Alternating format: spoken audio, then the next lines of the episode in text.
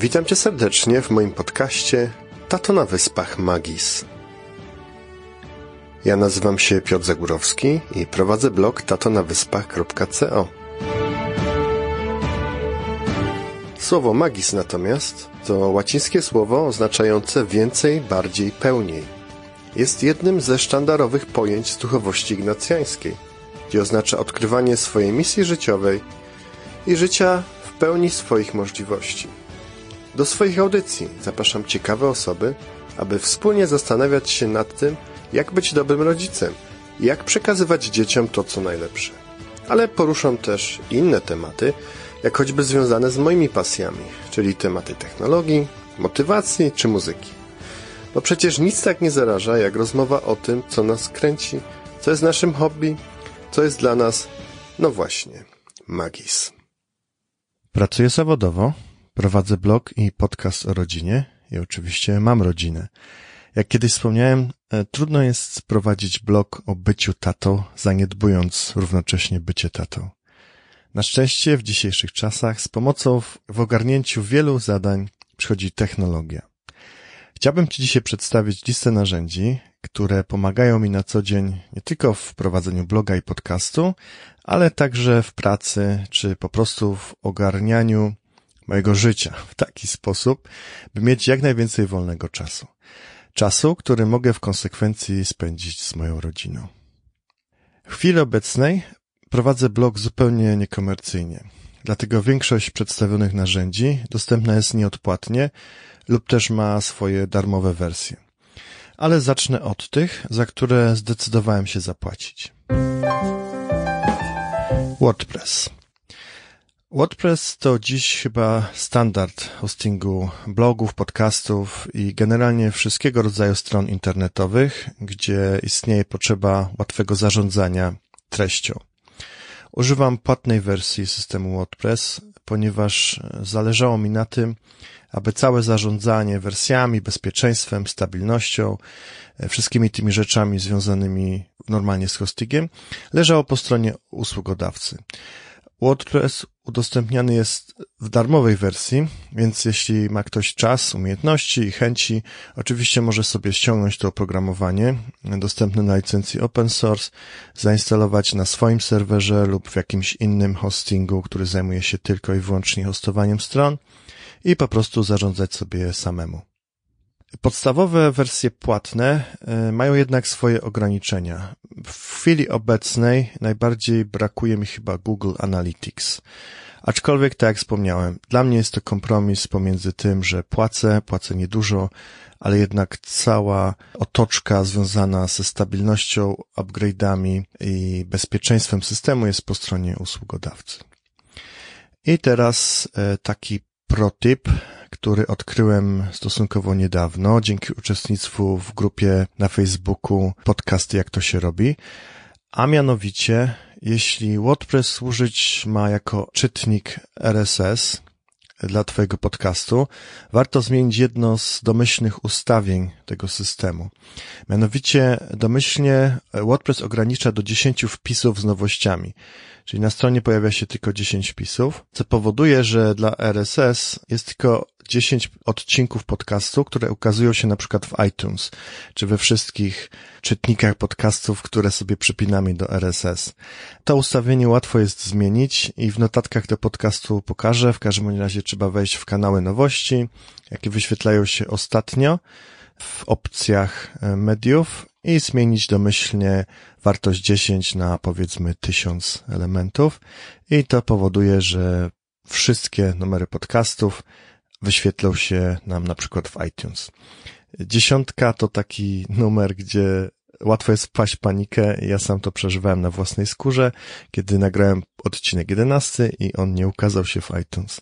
Dlatego warto jest o to zadbać wcześniej. Kolejne narzędzie to Nozbi. Według mnie jest to najlepsze narzędzie do zarządzania zadaniami, projektami w systemie GTD, czyli Getting Things Done.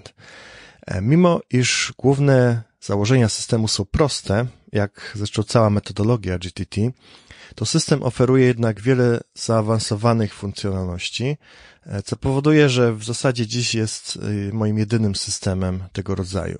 Używam Nozbi jako głównego centrum zarządzania swoją aktywnością blogowo-podcastową, ale również zawodową. Dlaczego? Jest kilka przyczyn. E, po pierwsze, mobilność. System dostępny jest praktycznie na wszystkie systemy operacyjne i wszystkie platformy, włączając to tablety i telefony. Dane trzymane są natomiast w chmurze, więc wszystko ładnie się synchronizuje. Wszystko to powoduje, że dodawanie, modyfikacja i generalnie zarządzanie zadaniami jest banalnie proste.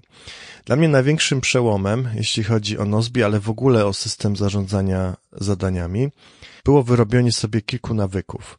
Jednym z nich jest tak zwany inbox, czyli jedna szufladka, w tym wypadku wirtualna szufladka, do którego wkładamy wszystkie swoje myśli, wszystkie swoje zadania, wszystkie swoje notatki.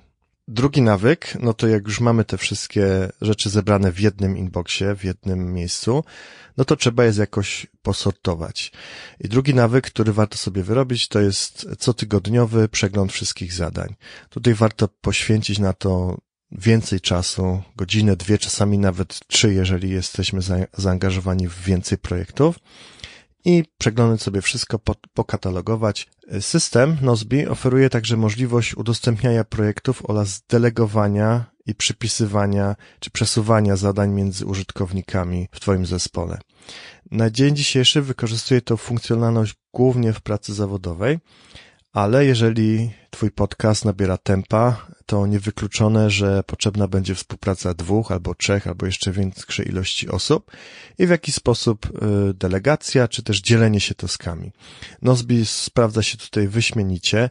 W ostatniej wersji wprowadzono możliwość oznaczania użytkowników poprzez ad, tak jak znamy to z mediów społecznościowych.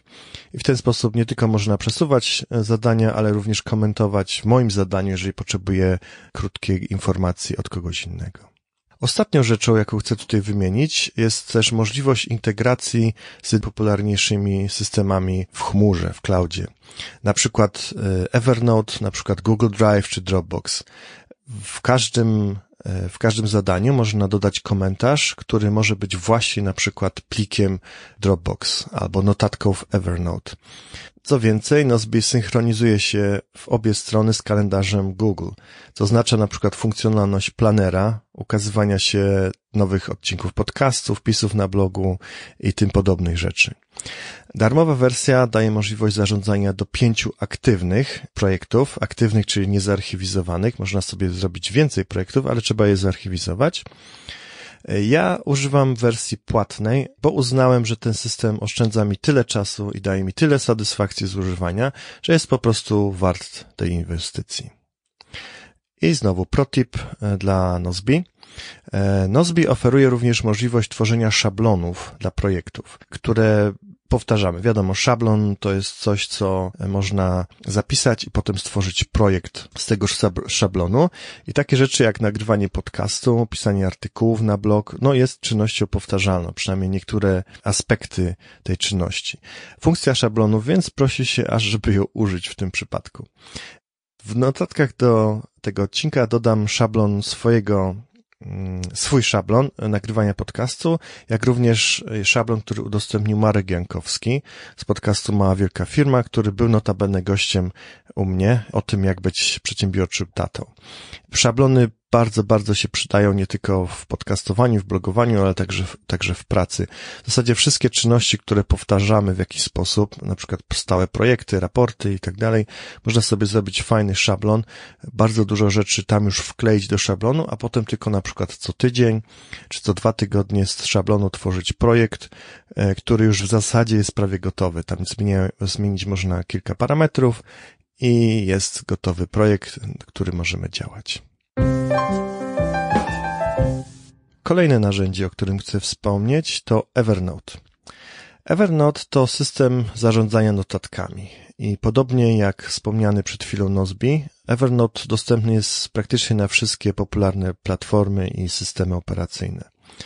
Darmowa wersja ostatnio ma jednak takie ograniczenie, że pozwala na instalację dwóch instancji do jednego konta, w dowolnej kombinacji urządzeń. Czyli jeżeli ja mam E, swoje konto Evernote mogę sobie na przykład zainstalować na swoim Macu, jak również na swoim telefonie. Na tablecie już nie, no ponieważ byłaby to trzecia instancja. Czyli trzeba dobrze zastanowić się, czy notatki robię na telefonie głównie i na przykład y, czytam je na komputerze, czy może głównie na tablecie. Płatna wersja daje możliwość nieograniczonych możliwości instalacji. Ja używam bezpłatnej, ponieważ uznałem, że wszystkie notatki robię na telefonie, natomiast czytam czy poprawiam po prostu na komputerze. Evernote pozwala na tworzenie notatek tekstowych, głosowych, skanowanie zdjęć i znowu płatna wersja rozpoznaje także tekst ze zdjęć i na przykład z wizytówek i łączy to z, z LinkedInem. To jest ciekawa funkcjonalność. Można również zapisywać strony internetowe, załączać w notatnikach pliki, na przykład pliki PDF. Notatki potem można grupować w tak zwanych notatnikach, czyli no tak jak mamy na stole skoroszyt z różnymi notatkami na różne tematy, no Evernote proponuje podobną funkcjonalność, czyli może być na przykład notatnik podcast, notatnik blog, notatnik skany, praca i tak dalej. Natomiast w ramach notatników dodatkowo można każdą notatkę zatagować i dowolna możliwość kombinacji e, powoduje, że bardzo szybko e, dokumenty można znaleźć. W ogóle sam system bardzo szybko działa, zaskakująco szybko, nawet w dużej ilości dokumentów, które już udało nam się zgromadzić. Interfejs jest bardzo intuicyjny i przejrzysty i założenie twórców jest takie, żeby był to domyślny system notatkowy. I chyba im się to udało. Jeżeli myślimy o notatkach e, cyfrowych, no to pierwsze co, to chyba każdemu przychodzi na myśl właśnie Evernote. Ja w Evernote trzymam kopię każdego artykułu na blogu, i synchronizuje mi się on automatycznie, jak również e, jest to mój domyślny system luźnych notatek, e, nie tylko związanych z blogiem z podcastem, ale również z pracą i praktycznie wszystkich myśli, które mam na przykład jadąc sobie gdzieś metrem i e, wymyślając różne rzeczy na różne tematy. I tutaj znowu protip, tym razem dla Evernote. Oczywiście jako notatkę można zrobić też zdjęcie, załączyć zdjęcie. Zdjęciem natomiast można zrobić na przykład kartą lojalnościowym, czyli taka notatka może odpowiednio być otakowana i na przykład wystawać gdzieś w widocznym miejscu jako widget na telefonie. Czyli jeżeli idziemy do sklepu, e, zamiast w pęku kluczy mieć różne karty lojalnościowe albo w portfelu razem z kartami kredytowymi, debetowymi, można po prostu mieć wszystko na telefonie i łatwo znaleźć, łatwo zeskanować i to wszystko powoduje, że oszczędzamy czas. Kolejne narzędzie, a w zasadzie pakiet narzędzi, e, to standardowe Google. Pakietu Google chyba nikomu nie trzeba przedstawiać. Ja używam wielu komponentów z portfolio Google'a, ale tutaj wspomnę tylko o dokumentach i dysku. Dokumentów używam do zapisywania biografii moich gości, jak również pytań do moich gości w, w podcaście. Potem taką notatkę, czy taki dokument w Google'ach udostępniam e, mojemu rozmówcy, mojemu gościowi czasem wspólnie pracujemy nad treścią, tak żeby rozmowa pokrywała się jak najbardziej z zainteresowaniami e, moich e, słuchaczy podcastu, jak również sam rozmówca czasami podpowiada, o czym warto wspomnieć. Dodatkowo e, kilka innych systemów, tak jak Auphonic, o którym będzie za chwilę, zapisuje automatycznie na przykład zmontowane pliki nagrań, audycji w formie wideo i audio właśnie na Google Drive. Tak jak mówię, jest to w miarę znany pakiet, nie chciałbym się tutaj rozwodzić. Dam tylko taki protip, e, który ktoś mi kiedyś podpowiedział, jakoś nie bardzo, ja słyszałem o tym, ale nie wiedziałem, nie, nie, używałem tego na co dzień. Otóż nie wiem, czy wiecie, ale w Google można dyktować e, dokumenty. Są odpowiednie narzędzia, którymi można przekierować odtwarzanie MP3 do funkcji dyktowania Google Docs. Ale najprostszą metodą do zrobienia transkryptu na przykład podcastu jest dyktowanie właśnie do Google Doc albo wręcz e, sprzężenie takie, że odtwarzamy go z, z, telefonu czy z jakiegoś innego e, źródła dźwięku do mikrofonu naszego komputera, który odczytuje i robi transkrypt. Kolejne narzędzie to Canva. No więc tak, mamy już zrobione notatki, z których stworzyliśmy wspaniały artykuł. Teraz czeka na końcowe poprawki na przykład, ale w międzyczasie chcemy, żeby prezentował się nie tylko dobrze na stronie bloga, ale również w mediach społecznościowych. Jak wiemy, jedno zdjęcie warte jest więcej niż tysiąc słów. Dlatego warto zadbać o to, żeby również graficznie nasz artykuł reprezentował najwyższą klasę. Z pomocą przychodzi tutaj narzędzie, które nazywa się Canva. Jest to platforma online, w którym możemy w łatwy i szybki sposób tworzyć profesjonalnie wyglądające grafiki do praktycznie wszystkich zastosowań. Począwszy od wszelkiego rodzaju mediów społecznościowych i tam podział jest naprawdę na wszystkie takie, o których nawet nie wiedziałem, że istnieją, poprzez różne foldery, okładki płyt, okładki książek, aż po wielkie plakaty. Dodatkowo jest oczywiście możliwość wprowadzenia własnych rozmiarów grafiki, bo to głównie chodzi o rozmiar grafiki pod kątem różnych zastosowań, jeśli na przykład musimy stworzyć coś naprawdę nietypowego. E, po wybraniu rozmiaru, czy też typu grafiki, system podpowiada nam proste i gotowe szablony, które następnie można edytować na praktycznie każdym poziomie, począwszy od tła, rozłożenia poszczególnych komponentów, jak tekst, ikony, ozdoby, ramki, dodawanie swojego zdjęcia jako tła albo jako głównego motywu. Praktycznie wszystkie możliwe rzeczy y, jest tam możliwość edytowania.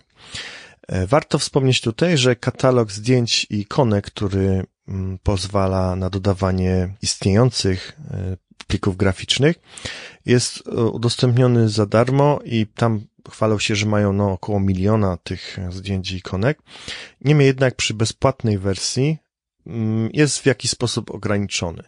I często zdarza się tak, że widzimy jakieś zdjęcie, bo tam jest możliwość oczywiście wyszukiwania tematycznego.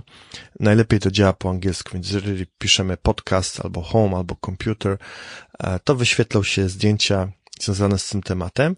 I często jest tak, że coś nam pasuje, ale to już jest nie za darmo, czyli jest po prostu płatne, ale jest płatne jeden dolar. Wydaje mi się, że to jest niedużo i naprawdę sposób, jaki oni to zrobili jest bardzo, bardzo prosty, intuicyjny. Co więcej, jest możliwość zrobienia kursów e, designerskich, e, pro, projektowania graficznego. Jest to naprawdę fajny, prosty system. I teraz jeśli chodzi o protip dla narzędzia Canva. Jeśli mamy potrzebę stworzenia kolekcji grafik, e, na przykład Nasze grafiki mają jeden przewodni motyw i wyglądają identycznie, natomiast niektóre komponenty muszą się zmieniać. Na przykład e, nazwa miasta albo cyfra, e, bo odliczamy na przykład coś. I poszczególna grafika różni się właśnie tylko niewielką częścią. Można stworzyć jedną grafikę, tak jakbyśmy tworzyli jeden plik na jeden do jednego postu na mediach społecznościowych, a następnie sklonować go i w, ta, w, takim wypadku jeden plik jak gdyby ma kilka stron, które możemy ściągnąć osobno lub całą paczkę i wtedy wygląda to identycznie, pracujemy już na kopii tego zdjęcia, czy klonie tego zdjęcia i edytujemy tylko jeden element. Czyli spędzamy dużo czasu na tym, żeby wszystko było tip-top na jednym zdjęciu, rozmieszczenie wszystkich komponentów, a potem edytujemy już tylko poszczególne komponenty danej sekcji, gdzie jest różnica. Kolejne narzędzie to buffer. Czyli tak, wszystko mamy gotowe, fantastyczny artykuł z mocną i chwytającą za oko grafiką. Czas na publikację. I dziś publikacja postu na blogu albo podcastu to już nie jest zadbanie tylko o to, żeby po prostu zaistniał na owej natywnej platformie, jak na przykład WordPress, który opisywałem wcześniej, ale również cała kampania w mediach społecznościowych. Każdy z tego medium rządzi się swoimi prawami, ma swoje ulubione formaty grafik, ilość tekstu, we wiadomości promującej wpisy, hasztagi i tym podobne rzeczy. Listę można ciągnąć nieskończoność, natomiast chodzi o to, że żeby to ogarnąć, nie rezygnując z pracy i zajmując się rodziną i nie zarywając nocek, no potrzeba jakiegoś systemu. I tutaj z pomocą przychodzi narzędzie do zarządzania, a dokładnie buforowania postami, czyli właśnie buffer. Z tego co wiem, to oryginalnie buffer stworzony był dla maniaków, którzy po prostu wrzucali tony kontentu naraz i potrzebowali oni narzędzia, które rozłoży w czasie lawinę tych jakżeż ważnych postów, e, które trzeba było opublikować natychmiast, bo teraz mam taką inwencję. Jeśli podobnie jak ja jesteś tatą małych szkrabów, pracujesz, prowadzisz blog, podcast po godzinach, prawdopodobnie nie masz problemu z nadmiarem treści, jakie, jakimi chcesz się podzielić, ale możesz wykorzystać opisaną platformę jako dodatkowego członka swojego zespołu. Kiedy wszystko jest gotowe, czyli właśnie wpis, grafika, wiadomości i tak dalej, wystarczy spędzić trochę czasu dodając wszystko w odpowiednich polach, dodając grafikę, datę i czas i po prostu zakolejkować. Wszystkie posty potem już ukażą się automatycznie o wskazanej dacie i godzinie. Ograniczaniem darmowej wersji narzędzia Buffer są trzy media społecznościowe, trzy profile, które można obsługiwać na raz, jak również 10 zakolejkowanych postów. No jest to wciąż lepsze niż każdorazowe dodawanie wszystkiego manualnie. I protip dla narzędzia Buffer dotyczy tutaj bardziej metody niż samej aplikacji. Warto bowiem stworzyć sobie takie cykliczne zadanie, na przykład w systemie jak opisany wyżej Nozbi, w którym będziemy programować kolejne posty tak przyszłe, jak i może odświeżać te z przeszłości, bo taka też jest możliwość i to jest bardzo, bardzo proste. Jeżeli raz już piszemy, opublikujemy, potem można do tego wrócić i po prostu zakolejkować jeszcze raz. I pisujemy e, w sobie w kalendarz, czy na przykład w Nozbi, takie zadanie cykliczne co tydzień i wypełniamy buffer do końca. Czyli po prostu oszczędzamy czas poprzez grupowanie zadań i pracę w jednym kontekście. W tym wypadku jest to kontekst dodawania postów na mediach społecznościowych, czy też planowania tych postów, które ukażą się w przyszłości. Kolejne narzędzie to Auphonic. To jest moje najnowsze odkrycie, dzięki któremu zautomatyzowałem proces nagrywania podcastów. To narzędzie uratowało mnie również przed zamknięciem mojego podcastu. Ale może od początku. Jeszcze do niedawna moim głównym narzędziem do nagrywania podcastów było Audacity. Wciąż używam tego narzędzia i według mnie jest jednym z najprostszych narzędzi do takich właśnie zastosowań, czyli prostego montażu dźwięku. Aczkolwiek, gdy doda się intro, outro, na przykład ścieżkę gościa, swoją ścieżkę, jakoś jeszcze muzyczkę, jingle, zaczyna się już tworzyć taka mieszanka, która wciąż sprawia frajdę audiofilom. Ja wciąż lubię montaż, aczkolwiek zajętemu tacie, jakim jestem niewątpliwe i wiele z Was również ma inne zajęcia, spędza sens powiek. I to dosłownie i przenośni, ponieważ ja to wszystko robiłem nocami. Na szczęście w nawyku mam pytać o drogę, kiedy zaczynam błądzić. I tak było tym razem. Z pomocą przyszedł mi Borys Kozielski, e, który również był gościem mojego podcastu, o podcastach właśnie, o tym jak, czym jest podcast i dlaczego warto go mieć. E, Borys też nagrywa podcasty dla podcasterów. I właśnie w jednym z odcinków wspomniał on o narzędziu Auphonic. Aplikacja ta jest dostępna na telefon, jak również poprzez interfejs strony internetowej.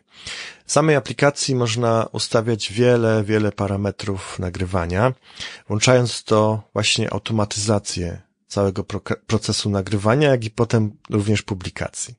I tak, po kolei. Można nagrać osobno pliki intro i outro, można je wgrać na jedną z platform dyskowych, które obsługuje Auphonic, czyli na przykład e, Google Drive albo Dropbox. Następnie można ustalić filtry głośności, wyciszenia echa, tym także, co ciekawe, tak zwanego crossgate, czyli echo crossgate powstaje wtedy, jeżeli nakładamy na siebie dwie ścieżki niezależne, nagrywane dwoma mikrofonami, bo na przykład mamy dwa mikrofony i nagrywamy wywiad. Co dalej? E, dodatkowo plik wyjściowy już, który powstaje jako skutek procesu nagrywania, można automatycznie wgrać do kilku platform podcastingowych. Wszystkie opisane właśnie funkcjonalności można zapisać w tak zwanym preset, czyli ustawieniach początkowych. I preset można zrobić dla ścieżki pojedynczej, czyli na przykład podcastu solo, jak również ścieżki wielodźwiękowej. A więc na przykład ścieżka rozmówcy osobno, yy, moja ścieżka jako prowadzącego, muzyka w intro jakieś tam jeszcze inne elementy. Warunkiem jest tylko to, żeby wszystko zaczynało się w tym samym momencie. no on to potem e, miksuje, wyrównuje poziom, co ważne. Wielu e, z nas, podcasterów, ma taki problem, że na przykład poziomy głośności prowadzącego, jak również gościa są różne. Są do tego programy, ale Auphonic robi to automatycznie, co jest według mnie super. Można więc to wszystko tak poustawiać, że nagrywać trzeba w zasadzie tylko własną rozmowę lub zawartość podcastu solo. Natomiast cała reszta wraz z opublikowaniem podcastu dzieje się już po przetworzeniu automatycznie w tle. No ja nie jestem jeszcze na takim poziomie jak Borys czy Marek Jankowski, żeby nagrać i bez sprawdzenia pozwolić jakiejś tam platformie na automatyczne publikowanie rezultatu bezpośrednio i od razu jak gdyby na żywo. Niemniej jednak cały proces skrócił mi się diametralnie i ja wciąż eksperymentuję, jak można go jeszcze skrócić i co można jeszcze ulepszyć. Jest to naprawdę fajne narzędzie, szczególnie dla początkujących podcasterów, ale chyba nie tylko. Z tego co wiem, to nawet Marek używa go e, również e, dla jakichś tam swoich celów. I znów, e, protip, jeśli chodzi o Auphonic. Narzędzie to, Auphonic, ma możliwość tworzenia wideo ze ścieżek dźwiękowych. Możliwe jest podzielenie także nagrania tak audio jak i wideo na rozdziały. W wersji wideo rozdziały można właśnie rozróżniać poprzez kolejne zdjęcia. Jest to po prostu nagranie wideo, w którym przewijają się kolejne zdjęcia, takie jak gdyby pokaz slajdów. Dodatkowo można dodać, nałożyć na to audiogram, czyli takie fale poruszające się w takt muzyki czy w takt naszej rozmowy. Dodatkowo Auphonic umożliwia tworzenie transkrypcji bezpośrednio z pliku, który powstaje jako wynik wszystkich opisanych wyżej zabiegów. W chwili obecnej Auphonic obsługuje dwie platformy, to jest vid.ai oraz platformę Google. To tylko niektóre i chyba najczęściej używane przeze mnie narzędzia. Realizując ten odcinek podcastu i wpisu na blogu, jaki będzie mu towarzyszył, realizuję jeden ze swoich celów. Mianowicie chciałem, aby ten blog i podcast był trochę o technologiach. Ale tak się zdarzyło, że do tej pory w zasadzie wszystkie wpisy, czy też podcasty były o tym, jak być tatą. Ale zostałem pozytywnie zainspirowany ostatnio przez Krzyśka Kołacza i Rafała Sobolewskiego z podcastu Bo Czemu Nie. Nagrali oni chyba trzy czy cztery odcinki o różnych wariacjach na temat aplikacji, jakie używają na telefonach, tabletach, komputerach i tak dalej.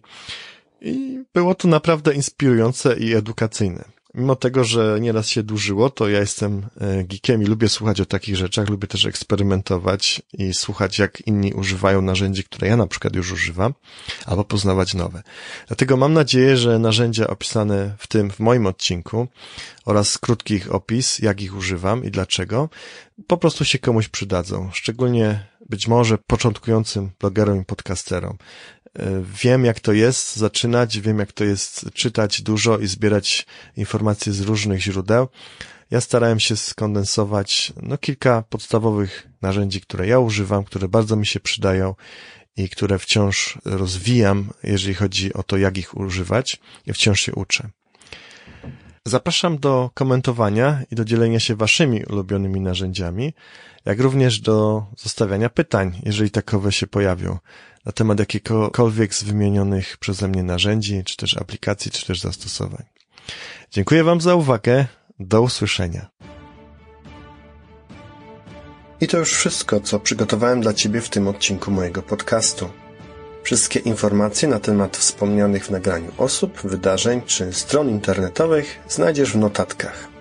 Notatki natomiast do tego odcinka, jak również wszystkich poprzednich odcinków, możesz znaleźć pod adresem tatonawyspach.co łamane przez podcast.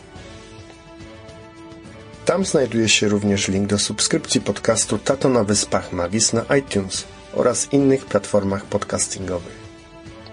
Jeśli znajdziesz chwilę i uważasz, że warto, zapraszam do podzielenia się swoją opinią, dodania recenzji, a nawet gwiazdek na iTunes.